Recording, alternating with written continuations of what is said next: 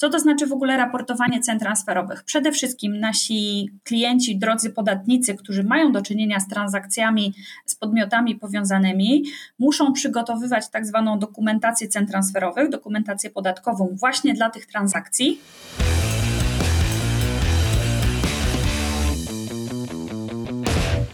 Dzień dobry, Anna Strzelecka, Kritoteka. Zapraszam na kolejny odcinek naszej międzymiastowej, tym razem podatkowej międzymiastowej, czyli podcastu o podatkach. Jak międzymiastowa, to ja z Krakowa łączę się z Anną Wcisło z Warszawy. Witaj Aniu. Dzień dobry. Jeszcze taka chwila, proszę Państwa, y, zwierzenia. Mianowicie y, jestem troszeczkę zestresowana, ponieważ wybrałam na dzisiejszy temat, na temat dzisiejszego podcastu możliwie najtrudniejsze zagadnienie w zakresie podatków, mianowicie ceny transferowe. I y, żeby jednak Państwo coś zrozumieli, to zaprosiłam właśnie Anię, która jest partnerem w naszym zespole wielokrotnie nagradzanym, tak nagradzanym, powiem szczerze, już do znudzenia, zespołem cen transferowych. I będę próbowała, że tak powiem, doskoczyć do tego poziomu rozmowy o cenach transferowych, aczkolwiek temat wybrałam sobie najprostszy możliwy, z możliwych, mianowicie y, czy będzie przesunięcie terminów y, raportowania cen transferowych, ponieważ jesteśmy tuż po picie, trochę przed CIT-em, jeżeli chodzi o raportowanie, a ceny transferowe rządzą się własnymi zasadami. Ale e, na początek, Aniu, czy mogę się, bo Cię wreszcie dopuszczę do, do słowa, bo taka jest konstrukcja tego podcastu, że czasem ci z Warszawy też coś mówią. E, gdybym Cię zapytała, bo mówię, ceny transferowe to jest tematyka szalenie trudna. E, zadam być może takie banalne pytanie, ale z czego ta trudność wynika? Dlaczego, na, dlaczego te ceny transferowe stwarzają aż takie problemy i dlaczego zajmują się tym ludzie, y, no ci, którzy się nim zajmują, to naprawdę muszą mieć ogromną wiedzę. E, dziękuję Ci Aniu za to pytanie. To faktycznie to jest temat trudny i też temat rzeka. Można by na ten temat pewnie rozmawiać godzinami. E, jest to temat trudny dlatego, że przepisy nie jednoznacznie regulują to zagadnienie. Tak? Jak mamy przepisy o wspomnianych przez Ciebie picie, cicie, wacie, to mogę postawić taką tezę, że dosyć jednoznacznie zasady właśnie rozliczania podatku VAT, podatku dochodowego wynikają z e, przepisów z ustawy czy rozporządzeń do tego wykonawczych. Jeżeli chodzi o ceny transferowe, to ustawa czy rozporządzenia są tylko pewnym punktem wyjścia, e, nadającym nam pewne ramy, a cała reszta, czyli całe faktyczne podejście do tego zagadnienia, ustalanie cen transferowych, czy wreszcie ich później dokumentowanie, uzasadnianie, udowadnianie, że te ceny transferowe są zgodne z zasadą rynkową, bo to jest ta podstawa cen trans, przepisów o cenach transferowych, to już jest pewna sztuka. Sztuka, której się właśnie można uczyć latami, na, na przykładach, czasem też na własnych błędach, ale na szczęście nie na błędach klienckich. E, więc, e, więc tak, więc to, to nie jest mm, zagadnienie, które wynika jednoznacznie dosłownie z przepisów. Raczej właśnie bazuje na wieloletniej praktyce, doświadczeniach. E, to, to jest też zagadnienie podatkowe, które jest najmniej podatkowe ze wszystkich podatków. Tak? Więc tutaj raczej wymagana jest też wiedza rynkowa, wiedza ekonomiczna. No właśnie, czy można zajmować się cenami transferowymi bez wykształcenia ekonomicznego? Można. można. Znamy takie przypadki. Natomiast tym osobom faktycznie jest ciężej e, jakby zrozumieć istotę, istotę tego, tego zagadnienia. A czy jest tak, że zajmowanie się cenami transferowymi z kolei z drugiej strony o tyle jest wdzięczne, że jak żaden inny dział podatków, chociaż sama mówiłaś, że to jest średnie podatkowe, uczy funkcjonowania biznesu?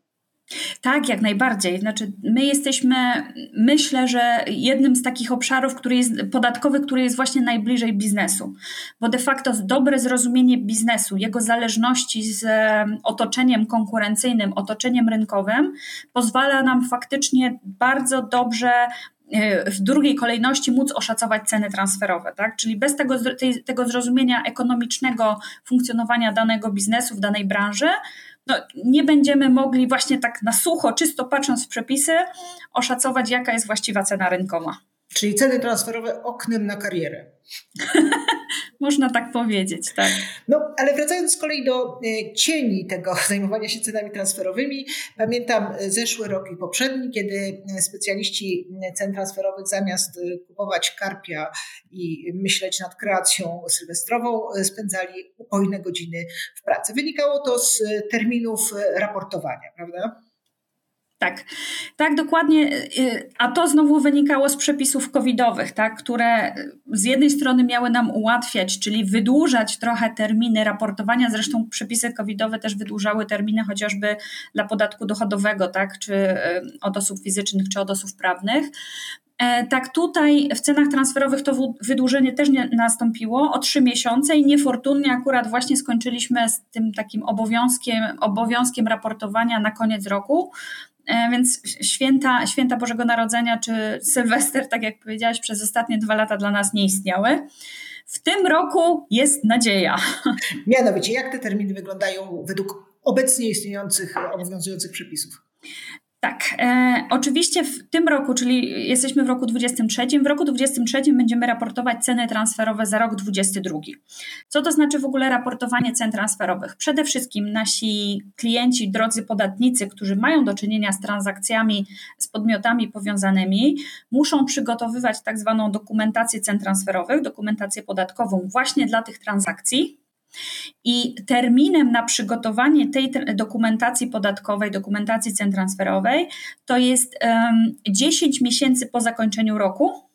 Czyli oczywiście podatnicy, którzy mają rok, swój rok finansowy, rok podatkowy równy kalendarzowemu, ten termin dla nich przypada na koniec października roku 23 za rok 22. Ale to nie wszystko, bowiem oprócz samego obowiązku przygotowania dokumentacji cen transferowych, podatnicy mają jeszcze faktycznie obowiązek zaraportowania cen transferowych bezpośrednio do fiskusa.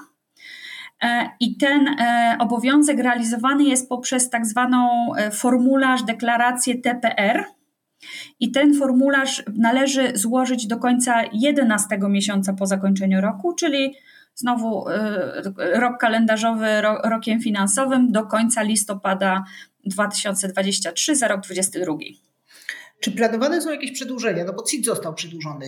Co mówi ministerstwo o raportowaniu cen transferowych?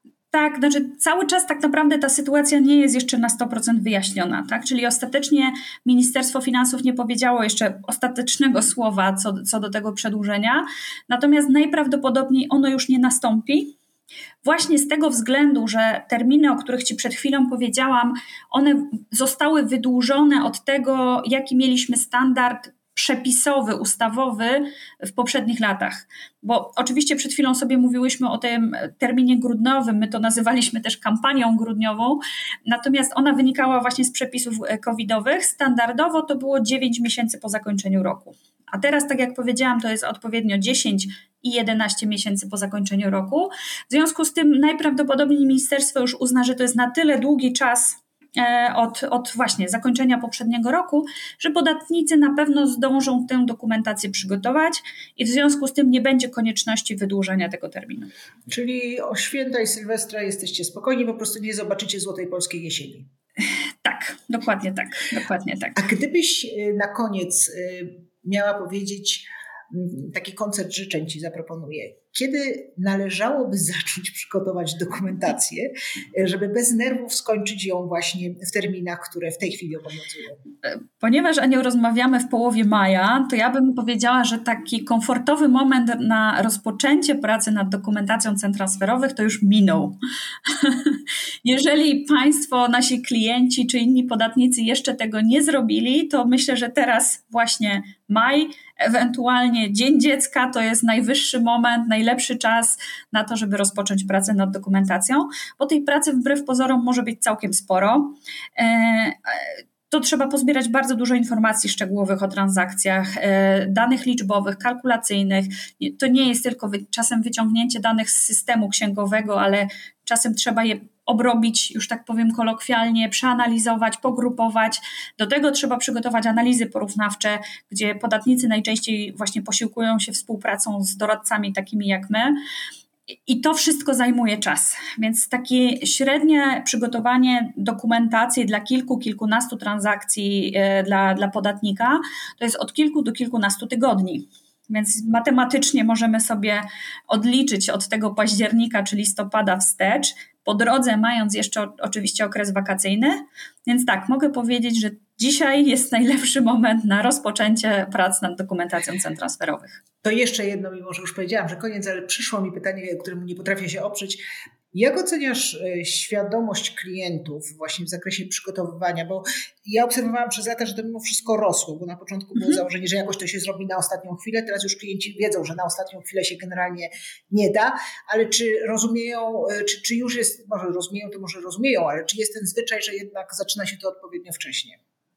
Tak, jest ten zwyczaj, natomiast e, to, to jest to, co ja też przed chwilą powiedziałam. Jakby zaczęcie, w sensie powiedzenie, umówienie się, nie wiem, z doradcą, czy nawet wewnętrzne sobie powiedzenie, dzisiaj startuje, a faktyczne przeprowadzenie procesu, to może być naprawdę jakby bardzo długi czas, dlatego że, no właśnie, Trzeba pozbierać dane, informacje od różnych zespołów, departamentów w ramach organizacji, te, te, te, informacje przetworzyć, pogrupować, przeanalizować. E, często takie informacje musimy też pozyskać na przykład z naszej grupy, od naszej grupy kapitałowej ze spółek zagranicznych, a to wiadomo, znowu nam wydłuży proces.